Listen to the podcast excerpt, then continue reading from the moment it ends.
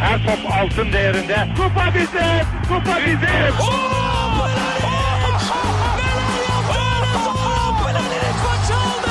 Dengeli de attı. İsabetine buldu. Maçta Fontervi. Zora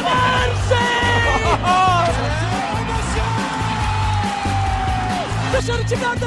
Geldi, geldi, geldi.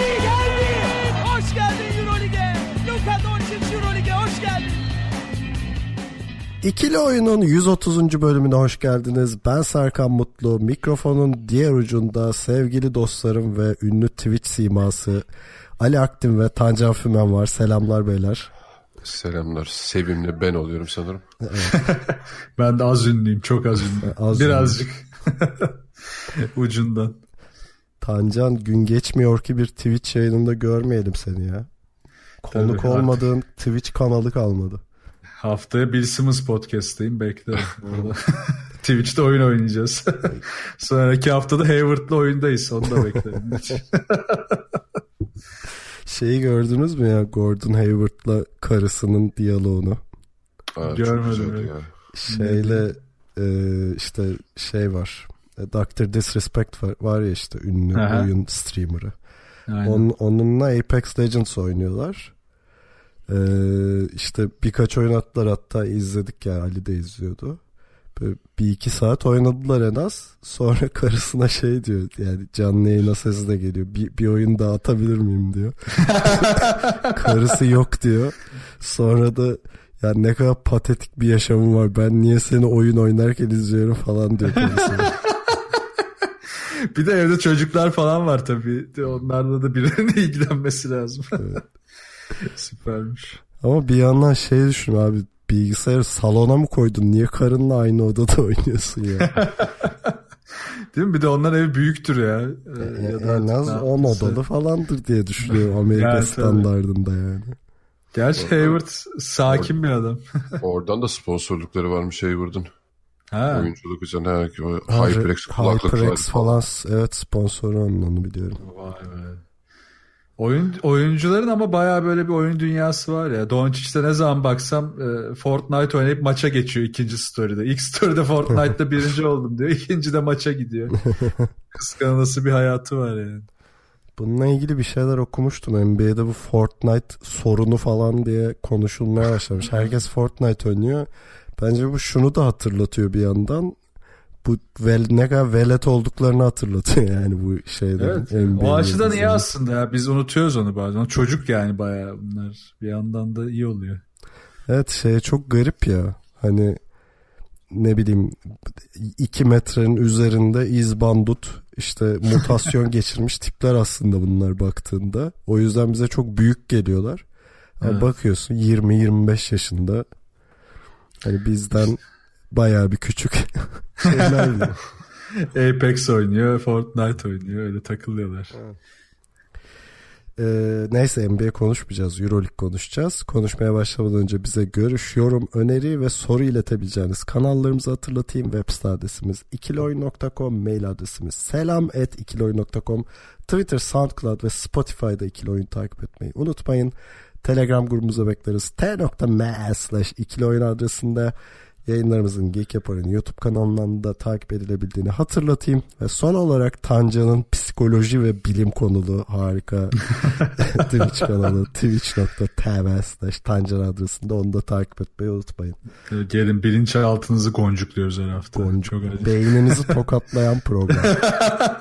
Ya neydi adamın adı? Şey... Rüstem Batum. Ah Rüstem Batum aynen eyvallah. Gerçekten beyin tokatladığı şeyi vardı, Evet, jeneriği vardı. Çap çap diye. Çocuklar bilmez. Güzeldi. Bu arada e, son NBA yayında hastalığım nedeniyle yoktum. Hatta iki gece önce 40 derece ateşle yatıyordum. Herkesten özür dilerim. Şu an mesela arada dede gibi öksürürsem de kusura bakmayın yani. Vallahi böyle olmaz. Bekliyor insanlar. Podcast bekliyor. Hasta hasta yapacağız artık. Çıldırıyorlar. Ben de hasta çıktım. Yani daha kalın olan sesi daha da nasıl kalınlaştırabilirim diyerekten artık şu an hiçbir şey anlaşılmıyormuş gibi hissediyorum konuştuklarımdan.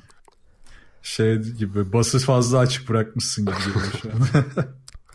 Abi ben burada doktora gittim. Adama işte bu arada daha öyle ateşim çok yükselmemişti. Ee, ben hasta oluyorum falan dedim. Adam böyle bir şey boğazımı elledi. Sonra evet hasta oluyorsun deyip 3 gün rapor verip eve yolladı. İlaç falan yazmadı bu arada. Sonra o, o sırada ölmeye başladım yani ateşim böyle 39 40 falan. Erte, yani üçüncü gün tekrar doktora gittim. Ateşim 40'a çıktı dedim. Tamam dedi. 5 gün daha rapor verdi. Ama gene ilaç vermiyor. Sana sabah akşam rapor yazıyorum. Mutlaka al bu raporu. Atla, atlama. 12 saatte bir alıyorsun raporu. Hiç şey yapmıyorsun. Kendine iyi bakıyorsun falan deyip yolluyormuş böyle.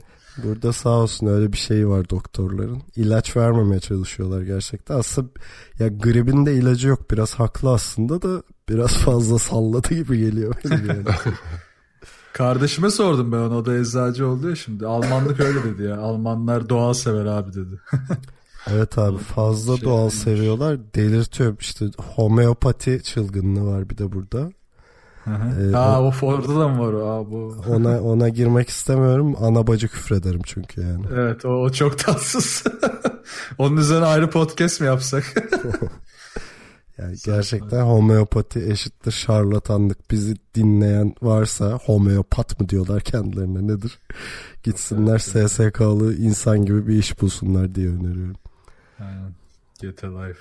Homeopati, osteopati. Gerçi osteopati biraz daha şey de. Neyse. Osteosunu bilmiyorum da homeo dandik onu biliyorum. evet.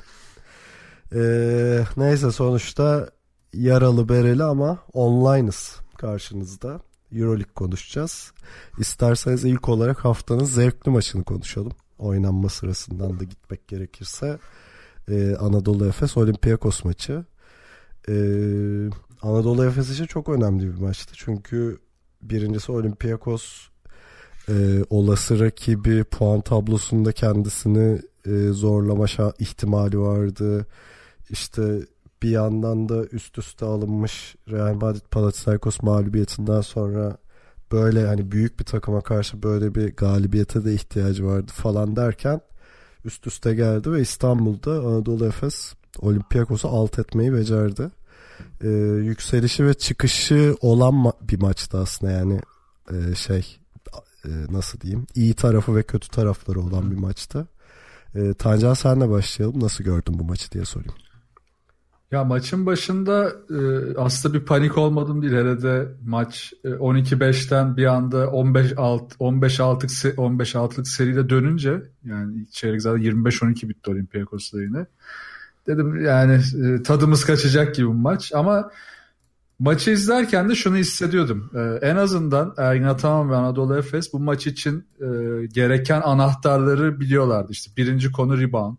Kesinlikle reboundda yenilmememiz lazım. Çünkü ilk maçta bizi en çok zorlayan konu ikinci şans sayıları olmuştu.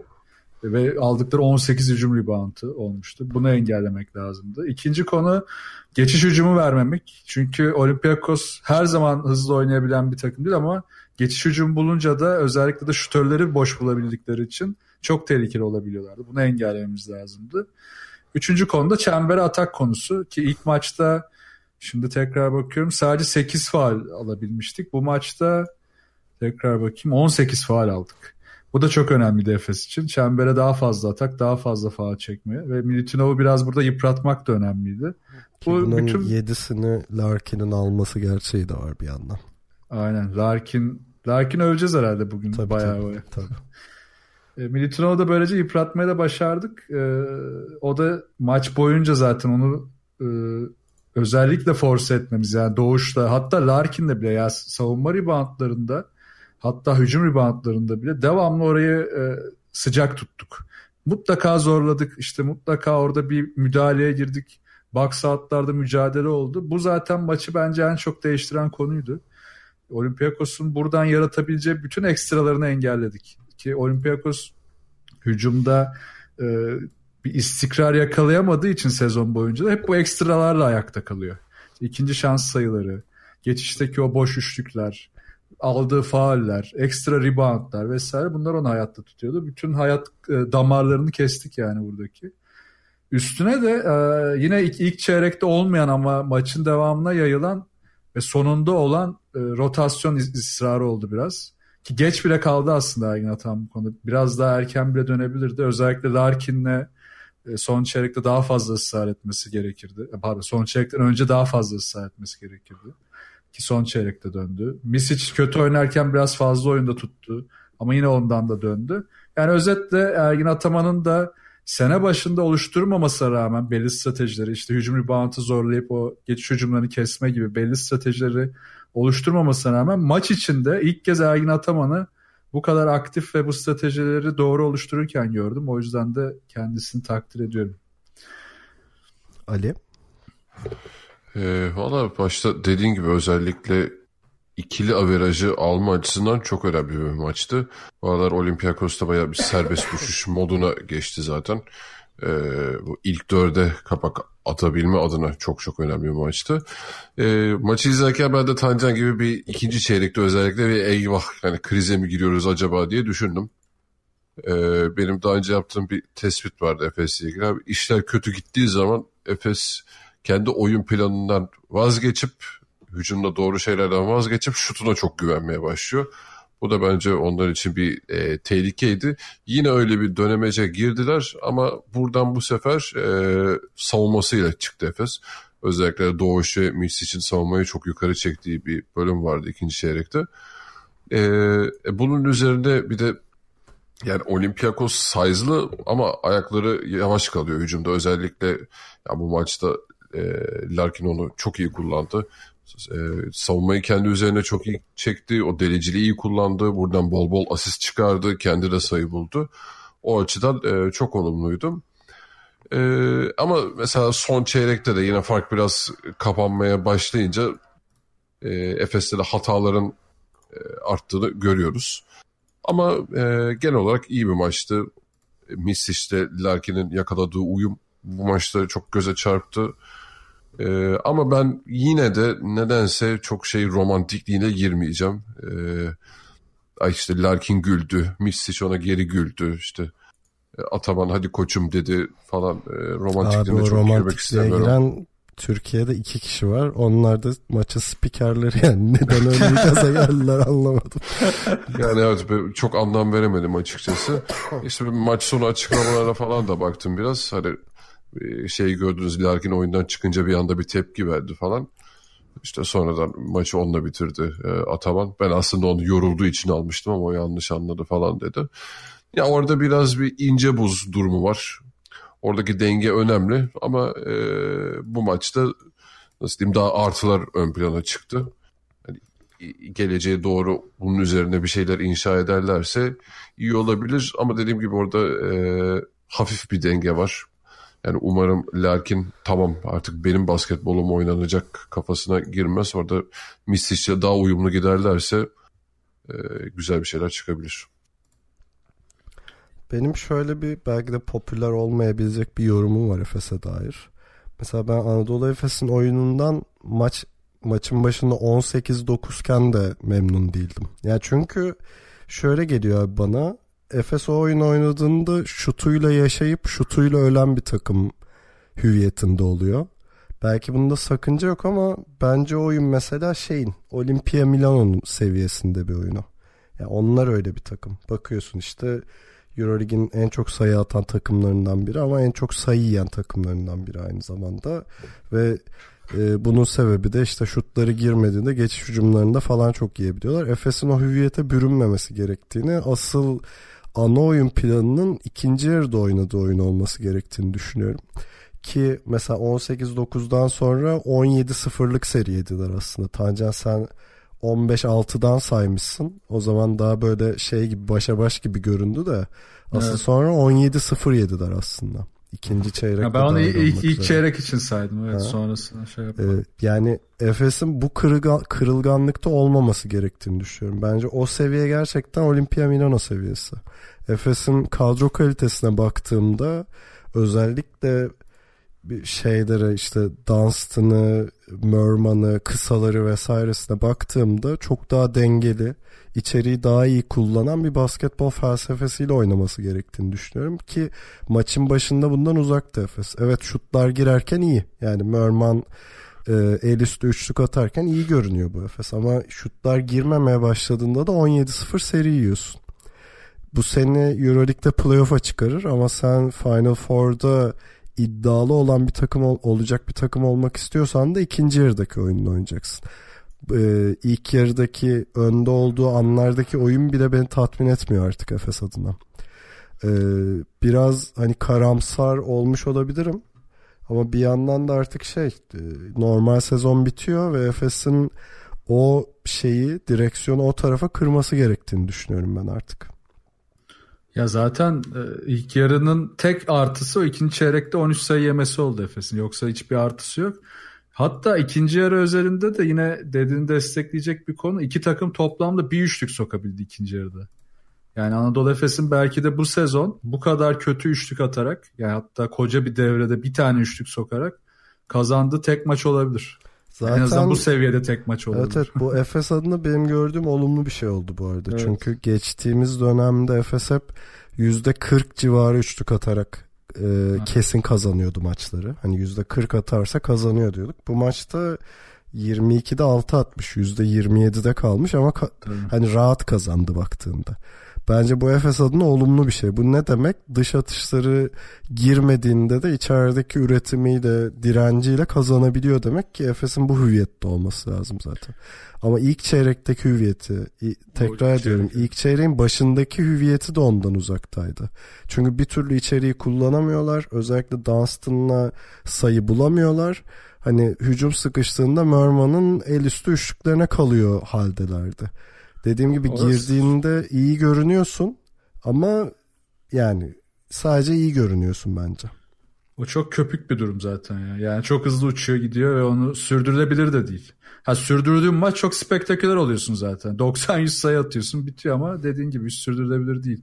Ve şunu da yapamıyordu Efes. Bak dediğin doğru. Üstüne de iyi savunma yapıp mesela bu, bu maçta Olympiakos 15 top kaybı yaptırdılar belli maçlarda yine iyi savunma yapıp da kazanamadığı maçlarda olmuştu. Belli bölümlerinde en azından. Orada da bu savunma gayretini hücumda yine skora çeviremiyorlardı. İşte top kayıplarından yaratılan sayılar hep düşük kalıyordu.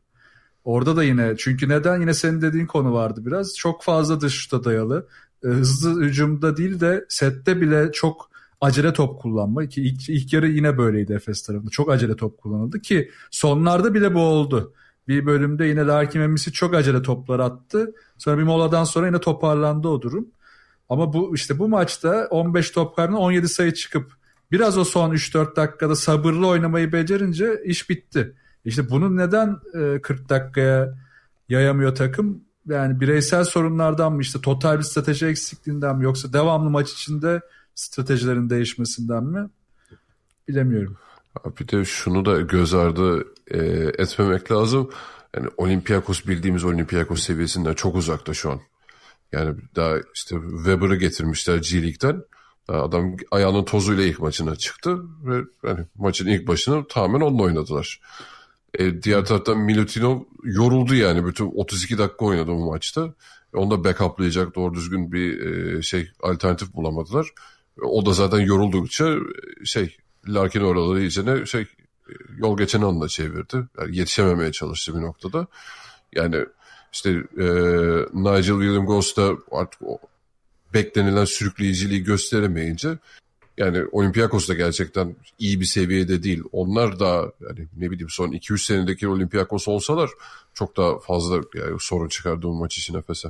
Ama orada şunu söylemek lazım ya. Bu maçta Efes'i de yıprattı. Mesela ilk maçta da bak Militinov'a bakıyorum bu maçta 8'de 6 ile 12-8 yapmış. İlk maçta da e, 7'de 7 ile 15'te 9 rebound yapmış ve yine 26-27 dakika civarı oynamış ve hiç yıpratamamıştık yani. Hiç Milutinov hiç yorulmamıştı o maçta. Yani 4-5 dakikalık bir fark var. Efes bu maçta yıprattı en azından. Yani uğraştı ona. Hani biz bunları yormalıyız. Milutinov'u yıpratmalıyız. E, ben ilk kez şeyi istedim yani bir an. Ya dedim keşke bu maçta Spanius olsaymış. Yani onun biraz o dağınıklığı Efes'i biraz rahatlatabilirdi. Ama evet yani yine dediğin doğru evet takım çok kuvvetliydi ama bu maçta ekstradan Efes'in onları yıpratması da e, işe yaradı yani. Bu arada Efes taraftarları beni yanlış anlamasın. Ben ikinci yarıdaki oyundan çok memnunum mesela. Hı hı. Ama e, şeye de katılıyorum. Yani bunun Efes'in ana oyun planı olması lazım. Yani 40 dakikaya yaymaya çalıştığı felsefe ikinci yarıdaki olması lazım. Hani oyunun hemen başındaki de değil bence. Çünkü tamam bu belki şeye işliyor. E, Eurolig'in ne bileyim son 12 sırasındaki takıma işliyordur ama sen tepedeki dörtlü içinde yer alan bir takımsan Fenerbahçe, CSK, Real Madrid'e karşı yemiyor yani. Bunu gördük geçtiğimiz haftalarda üst üste yani. Ya işte orada da devamlı ısrarlı olmayı unutuyoruz ya. İşte Dunstan'ı çembere yakın kullanma, Mörman'ı kullanma. Ee, aslında basketbolun verimliliği buradan çıkıyor ya. Bunda çok konuştuk yani. Oyunu belli bir ağırlık merkezi oluşturacak şekilde oynaman lazım ki boşluk bulabilesin. Ya bunu yaptığı zaman zaten Efes çok rahat boş buluyor. Hem içeride hem dışarıda. Dunstan'ı da mesela iyi kullandık bu maçta. Normalde çok alakasız yerlerde top verip kullanmayı ya da Plyce'ı da işte devamlı gereksiz post-up'larla kullanıyoruz. Yani aslında onda daha hızlı pick and roll'ler oynamak lazım çembere yakın vesaire. Ki savunmada da aynı şey geçerli. Milutinov'un pick and roll'lerini ilk yarıda hiç savunamadık. İkinci yarıda Doğuş'la beraber hatta orada e, Misic'le beraber hatta arada Larkin bile çok iyi savunduk yani o pick and roll'leri. Bunun dengesi de tutması lazım devamlı. Hı-hı. Ama kaçıyor işte arada ayırı. Ya konuşmak istediğim iki oyuncu var üzerinde. Larkin ve Boboa. Belki bir paranın iki ayrı yüzü gibi oldular. Ee, ama şimdi senin dediğinden hareketle Larkin'i konuşalım. Özellikle e, uzunları iyi kullanmak ve hücumu çeşitlendirmek açısından. Çünkü Larkin'in bu maçta da bize gösterdiği şey e, birincisi e, takıma çok alışmış durumda. E, uzunları çok iyi kullanıyor. Ayrıca top diğer kısalardayken de şeylerini görmeye başladım. Şu yalancı perdeleri oluyor ya kısaların. Evet. E, onları çok iyi yapmaya başladı ve inanılmaz alan açıyor. Yani işte Mitsic de çok rahat e, potaya atak etmeye başladı 3. çeyreğin başında. Bu arada galiba 4. çeyreğin başındaki Mitsic'in smacını da özel olarak bir aradan işte çıkarmış olalım. Herhalde haftanın en iyi hareketiydi. Çok iyiydi ya. Bayağı iyiydi. Biraz sevinmesi çok komik oldu da şey smaç mükemmel. Evet o mağara adamı sevinci. ee, neyse ha, Larkin'den devam edelim. Ee, yani Larkin'in orada aldığı inisiyatif ve şey ve ayrıca takıma dair bilincinin artmış olması Efes için çok iyi haber gerçekten de. Hani bunu geçtiğimiz haftalarda Larkin'i eleştirmiş bir insan olarak söylüyorum. Ee, ve mesela takımın liderliğinin o anlarda Mitsic'den Larkin'e kayması da iyi haber.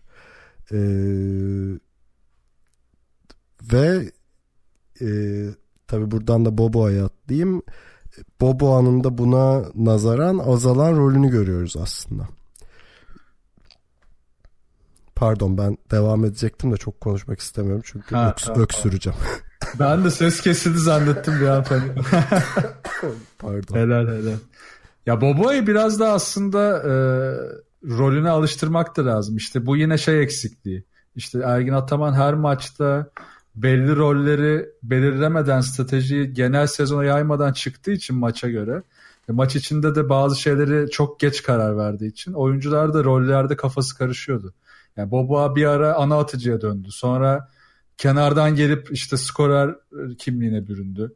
Bazen ilk beş başlayıp savunma, ekstra savunma yapması istendi. Bir türlü bunun dengesi bulunmadığı için Boboa da şu anda hani ne, ne yapacağı hakkında pek bir şey yok. Halbuki bence kenardan gelen bir skorer kimliğiyle oynasa ve bir nokta atıcı ya da işte belli anlarda biraz daha 3 gibi kullansak onu çok daha faydalı olacak. Hatta ben burada e, oyuncuları överken şeye de bir parantez açmak istiyorum Simon'a. Yani Simon özellikle de bu ikinci devresinde Eurolig'in e, aldığı sürelerin de biraz daha değişmesi ki son birkaç maçta daha da iyi oldu. Simon en kritik oyunculardan biri olmaya devam ediyor ve onun sabrına da helal olsun diyorum. Maçı en iyi oynadığı anda, en sıcak anında yine bayağı bir kenarda kaldı. Birinci çeyreğin sonunda çıktı galiba. Ta ikinci çeyreğin sonunda tekrar girdi oyunu toparlasın diye ve toparladı da. Yani ben olsam isyan ederim. En sıcak anımda oyundan çıkmak bir oyuncu için en kötü bir şey. Ee, yani Simon bir de ekstradan sabırlı olabildiği için diğer oyuncuları da sakinleştiriyor. Oyunu kontrol ediyor. Israrla e, Ergin Ataman'ın isteklerini de sahaya yansıtabilir. Yani diğer, mesela Misic bazen kontrolden çıkıyor. Larkin bile daha az çıkarken Misic daha fazla çıkıyor. Yani Simon'un bu ortamdaki rolünün ben biraz daha artması gerektiğini düşünüyorum. Belki yine 27 dakika oynadı ama hatta 30'un üstüne bile çıkabilir. Çünkü yine en kritik anları, en do- yoğun anları da Simon'un e, eline bakarak oynadık. Hani bunu atmak için söylemiyorum. Simon'un kontrol etmesi açısından. Yani Simon kontrol etsin başkası atsın. Hiç önemli değil. Ama bu e, Anadolu Efes için çok kritik. Orada şu da var ama yani sezon başında Efes'in planladığı şeyler hiç tutmadı. Yani orada Ergin atamadan ben kısmen e, pay biçebiliyorum. Çünkü şeyler ya asıl sezon başı planında şeyler ki bir numara olacak. Yani bir numarayken pozisyon olarak bak, e, bahsetmiyorum. Yani takımın Ha, en değerli oyuncusu olacak. Lideri Misic onu yedeği olarak planlamışlardı. Bunlara katkı olarak da Boboa düşünülüyordu. Ama ya şeyler ki sezon başında gerçekten kafa olarak hiç burada değildi. Hani tam NBA'den nereye döndüm lan ben modunda takılıyordu. E, bu sırada Misic kendini çok iyi parlattı ve yani o aldığı sürenin şansını da sonuna kadar hakkını verdi. Daha şimdi tekrar Larkin'in hayata dönmesiyle e, yine bir e, istek göstermesiyle şu an planlar tekrar değişmiş durumda kaldı. E, bu noktada da artık Misic'i ikinci plana çekemeyeceği için e, Larkin'le beraber e, bir planlamaya gitti bu maçta özellikle. Hani buradan sonrası nasıl devam edeceğiz, e, devam edecek Ergin Ataman onu da göreceğiz. E tabii bu Boboa'ya patlamış oldu bir yerde. Ama e, yani hem Boboa'yı hem Larkin'i değerlendirirsek yani Lark, formda bir Larkin özellikle playoff'ta ve nasıl Final Four'da e, O bu ayı yok eder. yani yok eder demeyeyim ama onu katabilecekleri çok daha farklı oluyor sahada. Çünkü gerçekten şu an Avrupa'nın en hızlı ve en delici oyuncularından bir tanesi. Boba iyi bir şutör ama Larkin'in e, öyle maçlarda yani o anlarda verebileceğinden e, fazlasını veremez Larkin'den. Larkin o noktada ben de tercih ederim. Ya benim e, bu arada Boboa'da kişisel performansa çok büyük düşüş var bu kesin. İşte Euroleague'de üst üste Gran Canaria Olympiakos maçlarında hiç sayı atamadı. E, kupa finalini izledim işte. E, Türkiye kupası mıydı o? Evet, Fenerbahçe. Evet. o finalde gene hiç sayı atamadı. Hani kişisel olarak zor bir dönemden geçiyor evet. Hani bunu bir kenara bırakmak lazım. Olur böyle oyuncuların zamanları ama ben şunu düşünüyorum. Top Boboa'dayken Anadolu Efes'in geri kalanı ne yapıyor? Ee, genelde Boboa oyundayken e, Larkin ve Mitsic dışarıda oluyorlar. Ve e, şey gibi oldu artık. Boboa'da top ve o bir şeyler yapacak diye bütün takım izliyor bir hüviyete bürünüyor Efes. Bu Boboa'nın e, çok fazla yeşereceği bir ortam da vermiyor kendisi. Tamam belli dönemleri olur oyuncuların. Gerçekten şapkadan tavşanı çıkartır ama hani bir yandan takımın da Boboa'ya ortamı sağlaması gerekiyor. Ben onun da eksik kaldığını düşünüyorum. Yani Boboa'nın hem rolünün oturması anlamında hem de rotasyondaki yeri anlamında. Bu çok doğru. Bunun örneği de hatta CSK maçıdır ya. Orada daha spot shooter gibi biraz daha top ona görünce oynadığı bir maçtı ve 4 üçlük atmıştı. Yani işte biraz daha o rolünün keskinleştirmesi de Ergin Ataman'ın elinde. Yani orada girdiğinde ya da molayla beraber Boboa'yı alıp belki de onu Fenerbahçe'nin e, Nunnally'yi kullandığı gibi belli anlarda kullansa çok çok daha faydalı olur ve bu maç farka bile gidebilirdi. Yani ikinci yarı bir üçlük sokmuş Efes belki ekstradan 2-3 üçlük daha bulup çok daha rahat bir maç çıkarabilirdi. Ama her nedense bu olmuyor ve dediğin oluyor genelde. Hadi bakalım Boboacım sen bir oyuna bakalım bize bir göster amcalara şutun oluyor. Hı hı. Bu arada o Nunnally benzetmesi hoşuma gitti yani öyle bir şey denemesi lazım Efes'in.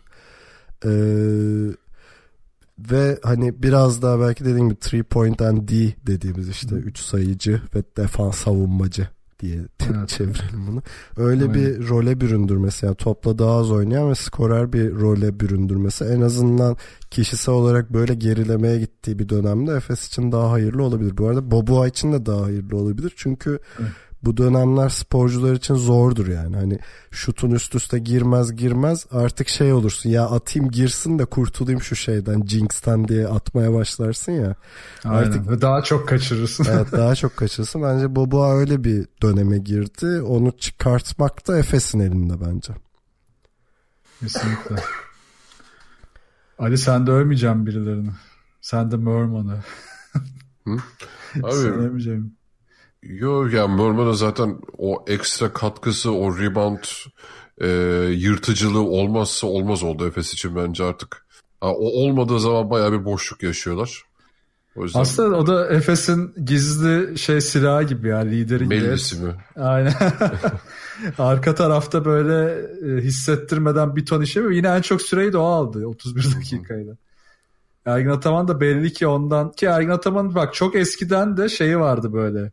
Hatta onu götürmüştü de e, Siena'ya Alpay Öztaş vardı Efes'te. Böyle alırdı Alpay'ı da 4 numarada. Acayip roller verip ondan verim alırdı. Sonra onu yurt dışına da götürmüştü. Seviyor Ergin Ataman o 4 numara pozisyonunda eski tip 4 numara pozisyonundan e, yeni tip e, şimdi tabii yeni daha yakın döneme baktığında yeni tip basketbola verim almaya bayağı bayılıyor. Mörman'da ufak bir övelim bu noktada. Yani biraz bir şey e, savunma sıkıntısı var Mörman'ın bir yandan. Var evet. E, özellikle çember savunurken çok tekleyebiliyor. E, ama onun dışında bence çok iyi bir sezon geçiriyor Mörman yani. Mörman. Ya işte bence zaten Anadolu Efes bu sezonu bitirdikten sonra artık şeye karar verme. Yani Larkin muhtemelen ayrılacak da Boba falan değil. Yani Mörman, Misic ve Simon. Yani bu üçlü ki Dunstan'da yaşlandığı için kenarda bırakıyorum. Yani bir noktada artık devam edemeyeceğiz onunla. En azından bu üçlüyü temele koyabilirse Efes, bu üçlünün etrafına dizmeye devam ederse en azından Fenerbahçe gibi bir istikrarda yakalamaya başlar. Abi zaten yıllardır konuştuğumuz mevzu bu değil mi? Ya işte artık bu şans İsimleri geldi. de geçtim yani bir temel olsun yani. Ahmet Mehmet olsun birileri olsun en azından o temelde artık yani.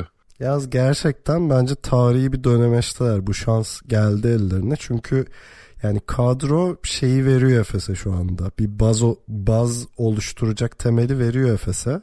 Bunun üzerine bazı isimleri çıkarıp özellikle de 3-4 numara pozisyonunu güçlendirecek bir iki ufak takviyeyle Efes çok daha dengeli bir takım haline gelebilir önümüzdeki yıllar için. Hani bunun birinci anahtarı sabır. Ki Efes'te bundan fazlasıyla var yani geçtiğimiz yıllara baktığımızda. hani bunu korumaları lazım. İkinci adımı da biraz akılcı hamleler olacak. Umarım hani bu sene ne yaparlar bilmiyorum Euroleague'de ama yaz dönemini iyi geçirmelerini umuyorum. İnşallah korurlar ve geçerler ya güzel olur. Bu arada e, hani ekleyeceğiniz bir şey yoksa Olympiakos'tan bahsedelim bir de. Olympiakos son 6 maçta 5 mağlubiyet aldı. E, yendiği tek takım evinde Himki. Yenildiği takımlar Real, Fenerbahçe, Barcelona, e, Maccabi ve Anadolu Efes. E, CSK ile oynayacaklar bir sonraki maç. Sonra işte Milano'su, Bayern Münih'i, Kaunas'ı falan derken öyle bir fikstürleri var ve böyle aşağı doğru gidiyorlar yani. Durum çok fena ya. Ve şey tepeden de yani dört, ilk dörtten de artık koptular. En, en büyük avantajları oydu. Oradan da koptular. Durum bayağı sakat şu anda ve hani e, Efes için de kritik. Şimdi Barcelona'da oynayacak. Barcelona olur da Efes'i yenerse zaten orada artık Olympiakos 8. bile zora girebilir yani tepeden iyice kopacak. İşi zor. Bence Olympiakos son dörtte kalmaya oynasın da hani Aynen. o tepeyle bir bağı kalmadı zaten. Hani şey bile olabilir bu arada uzun yıllar sonra ilk kez iki Yunan takımının playoff'tan uzak kaldığı bir şey tabii, görebiliriz. Tabii olabilir. Olabilir. O zaman... Zannetmiyorum ya Olympiakos. Yani şeyin e, fiksürlerin sonu göreceği o kolay zaten ya. Şu zor dönemden geçiyorlar. Evet, çok üst üste bir de işte Spanulis sakatlandı. Bu işte yeni transfer bilmiyorum beğendiniz mi siz? Hani daha bir maçta da çok e, değerlendirmek ya, doğru değil Çok hızlı faal problemine girdi. Yoksa ilk Aha. çeyrekte iyiydi. Ha işte ne kadar uyum sağlayabilecek o adaptasyon ne olacak falan Oralar soru işareti ama evet o geçen senekinden de bir tık daha geriye gitmiş gözüküyorlar şu an için. Ya bir de ana skorerleri artık e, Printezis ve işte Spanulis çok düşük durumda. Spanulis zaten kenar koyun. Printezis de çok düşük durumda. Yani sağda yok. Efes maçında da kaç? ilk sayısını dördüncü çeyrekte falan attı. Evet, yani evet. Ortalıkta yoktu. E böyle bir ana skorerinin yerini dolduramayınca tabii üretimleri iyice düşüyor. O başta dediğim konuya geliyor. Yani tamamen biraz çöpçü takım gibi takılıyorlar. Yani hep ikinci şanslar, hep ekstralar, hep zorlamalar, hep işte e, öyle de maçı bir yere kadar götürebilirsin. Seni sonda kurtarabilir ya da kritik anlarda kurtarır. Bütün oyununu e, o skorların üzerine kuramazsın. O da onları çok zorluyor. Neyse ekleyeceğiniz bir şey yoksa en iyi Efes asist üzerinden sayı bulan Efes diyelim. ee, ve kısa bir aradan sonra Fenerbahçe Darüşşafaka pardon Darüşşafaka Fenerbahçe maçını konuşacağız.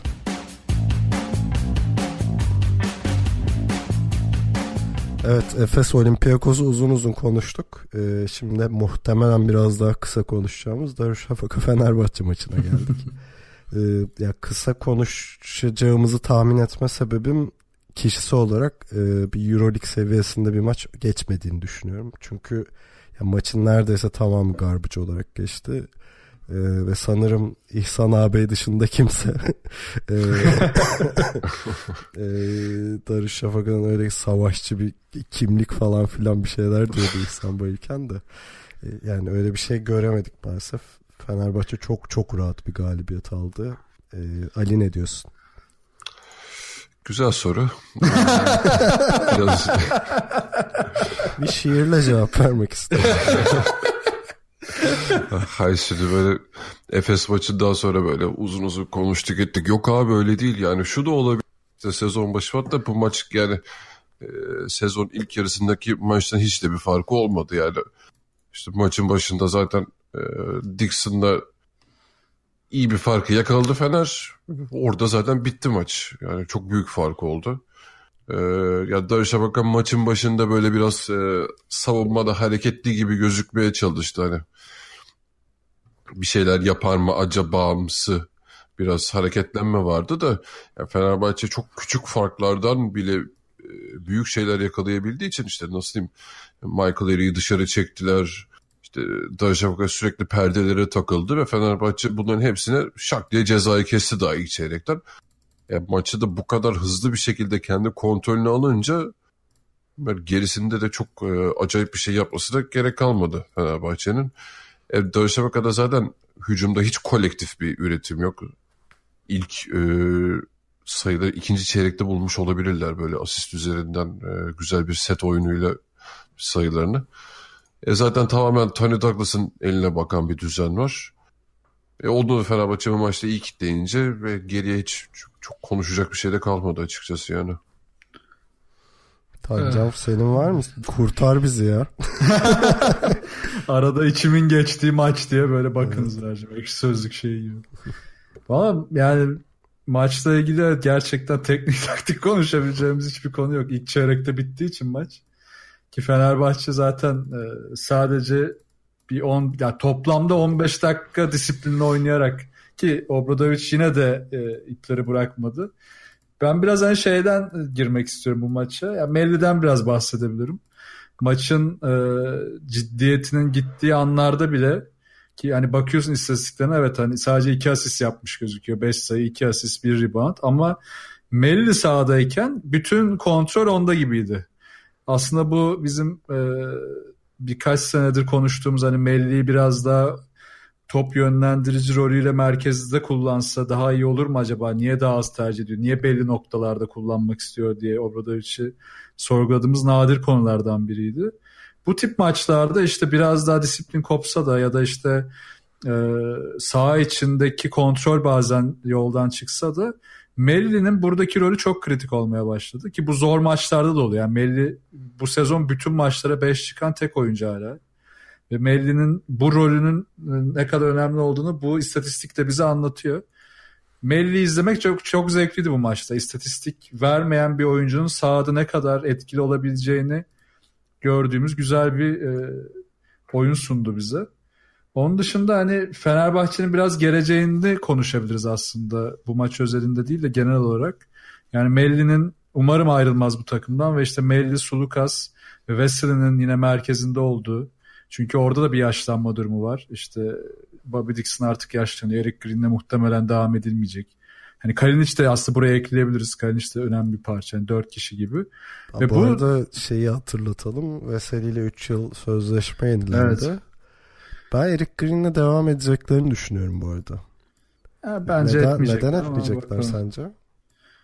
Yani şu an tam bir adaptasyon hala gösteremedi ve ben Obradovic'in çok da e, sezon boyunca ya da birkaç sezonluk bir strateji kuracağı bir tarzı olduğunu da düşünmüyorum Eric Green'in. Adapte olabileceğini de düşünmüyorum o tarza. Yani ona yönelik de bir ışık göremedim. O yüzden bence devam etmeyecekler. Hatta onunla devam etmeyip e, Biberovic gibi ben bir iki e, hatta Guduric denemesi gibi bir iki hamlenin daha yine geleceğini düşünüyorum Fenerbahçe tarafında. Daha uzun vade olabilecek ki Wesley'nin anlaşmasının uzaması da zaten hani Obradovic'in de kalacağının işareti gibi bir şey. Şey ne olacak acaba ben onu da merak ediyorum. Hani Tyler Ennis sezon sonunda Evet o da vardı. ne olacak acaba? Aa, Hani ne devam ederlerse o daha çok ışık vermişti mesela Eric Green'den oynadığı süreçte. Hani bu Aynen. sisteme uyum adaptasyon açısından. Evet Enis bir ışık vermişti ama Enis de tabii NBA'ye dönmek istiyordu. Eğer Obradovic kişisel olarak onun isteğine azmine ikna olursa e, bence onu bir sene daha deneyebilirler. Çünkü onun da derdi burada iyi oynayıp NBA'ye dönmek. Fayda vereceğine inanırlarsa kalabilir. Ama o da %50-50 bence şu anda. Bu arada bir de şey haberi vardı. e, sezon başında Melli'yi de NBA'den istiyorlardı. Evet. O da işte hani şampiyonluk için kalmıştı sanırım. Ya da bir sezon daha işte Obradovic'le ç- çalışmak için kalmıştı. Onu tutmak biraz zor olabilir sezon sonunda. Ama Melli de işte Bielisa rolü oynamaya giderse oraya bence mutsuz olur ya. Gitmez gitmem ne yapacaksın ya NBA'de boş. E, al abi şimdi Serkan'a judo konusunu açtırtmayın ya. Abi Yudo gitti Utah'taki edebiyat scenine çok hakim oldu. çok da mutlu görünüyor. Maç yapmadan e, sadece kitap okuyarak sene geçirdi yani. Yani o başka bir konu tabii. Judo'nun başka şeyleri korkularla işte biraz NBA görüp dönmesiyle ilgili sorunlar da vardı. Mesela Wesley de başka bir psikolojide. O as NBA gördüğü için gitmemek istiyor. Belki de hiç NBA görmemiş olsaydı Wesley de gidebilirdi. Ama o görüp döndüğü için tekrar o süreci yaşamak istemediğini belirterek kaldı. Bana Veseli'nin her temel sorunu şey gibi geliyor ya. Draft sırası al- ile alakalı. Yani kaçıncı sıradaydı ya Veseli? Aa, İlk üç olması lazım. Yok ya. Yok ya 8 Ya da miydi? 8 miydi? Dur bakayım. Ha, 6. Evet, 6 6. 6. altıymış ha tamam. Yani bayağı yüksek bir sıradan seçilip gene listelerde şey olarak gösterilen hani en fail Aslında, draft ha. seçimleri falan olarak gösterilen bir E, adam. Tabii arkasından çünkü Kemba, Clay, Kawhi falan seçilince öyle oluyor. Ee, hani onun yükü yani Veseli üzerinde kişisel yükü değil de onu tekrar NBA'ye getirmenin yükü NBA takımları için biraz fazla. Ee, ve tabii Veseli'nin taraftarlı Avrupa basketboluyla kurduğu bağ falan derken kalması çok daha mantıklı. Yani e, ben geçen sene sorsan Veseli gider Yudoh kalır falan gibi tahmin ediyordum. Tam tersi oldu. Enteresan gelmişti zaten. Ee, Yudoh da ne yapacak merak ediyorum. Yudoh'un gerçi kontratı var mı hala? Ee, Bu sene hatırlamıyorum. bitiyordu galiba. Bu sene bitiyor. Yani Belki zaten Knicks'e gider. O iki sene önceki haberden sonra Veseli ama bence burada kal yüzde yüz karar vermiş ya röportajlarından falan da çok belliydi yani o NBA onu mutlu etmedi. E, Burada sürekli giderek değeri artıyor. E bir de Tanca dediği gibi hani o e, NBA'ye gidip dönme olayı e, zaten ona yetmiştir yani. Çünkü bugüne kadar hani herkes gitti Bodirogo hariç herhalde. Yani orada uyum sağlayamayan geri dönüyor ama mutlaka bir herkes bir gidip deniyor şansını. Ki ona da çok laf edemezsin herhalde yani. bu, an- bu arada şeye bir bakıyorum da 2011'in ikinci turu yani birkaç şu an- oyuncu hariç tamamen Avrupa oyuncusuna dönmüş. Abi şu an ben de 2011 draftına bakıyorum. Veseli kimleri geçmiş inanamadım gerçekten. Kemba Çok Walker, tuhaf. Clay Thompson, Kawhi, Vucevic, Iman Shumpert, Tobias Harris, Mirotic. Jimmy Butler var. Ha Jimmy Butler. Ha. Bojan var. Vay anasını. Neyse. Ki Boyan da Fener'e geldi falan yani. Güzel, Ee, güzel sezonmuş. Neyse bak Fener Daçka maçını NBA 2011 draftı konuşarak geçmemiz tarihe Gerçekten geçebilir bunu bence. başardık. ya zaten genel olarak böyle Golden State New York Knicks maçı izlemek gibiydi. Yani sadece iki takımın taraftarının izlediği maçlar olur ya. Evet. Yani basketbol adına çok bir şey söylemeyen maçın New skorunu- York'ları karşına aldın. Yani New York'ları sabaha kadar karşıma alayım. Adamlar derileri kalın artık yani. Ne kadar vurursam vur etkilenmiyorlar garibanlar. 20 senede tek yaptıkları şey Carmelo oldu yani. Başka.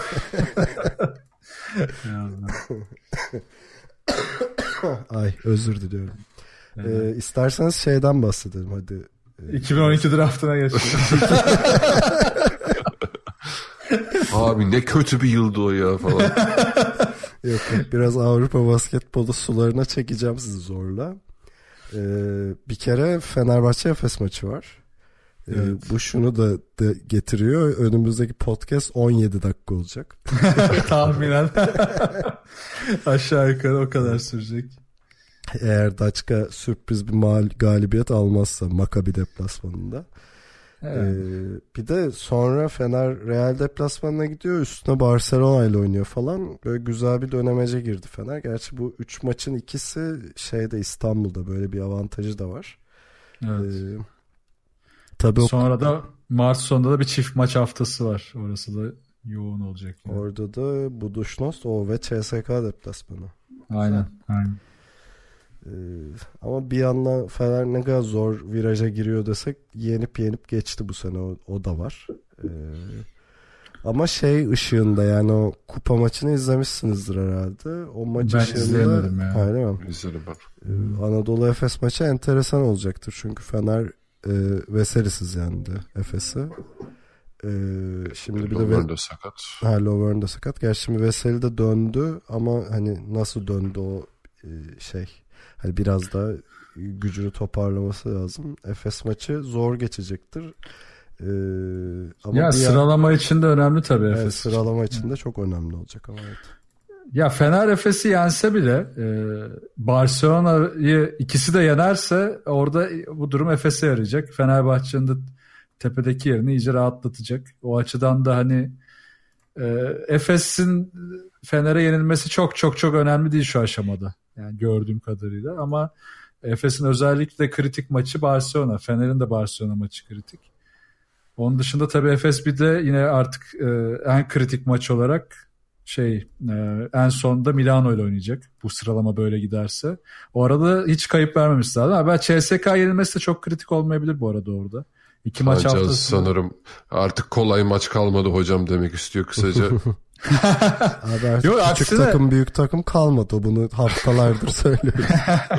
Yok aksine bak Fener'e CSK yenilse bile e, iş elinde demek istiyorum. Hani işi çok zor değil aslında göründüğü kadar. Çünkü e, Milano'yu Milano ile burada Barcelona Milano ile burada oynayacak Efes. İkisini de yenme ihtimali normalden çok daha yüksek. O yüzden hani çok da zor değil gibi işi eğer dikkat ederlerse. Bu arada e, Efes Fener'le oynarken ve Barcelona'da Real Madrid'le oynayacak. Hani en azından öyle Tabii. bir şey de var. Onu da unutmayalım. Yani Barcelona'da çok da gözümüzde büyütmeyelim. Üçüncü oldular. Arabacı takımı ya falan diye şey.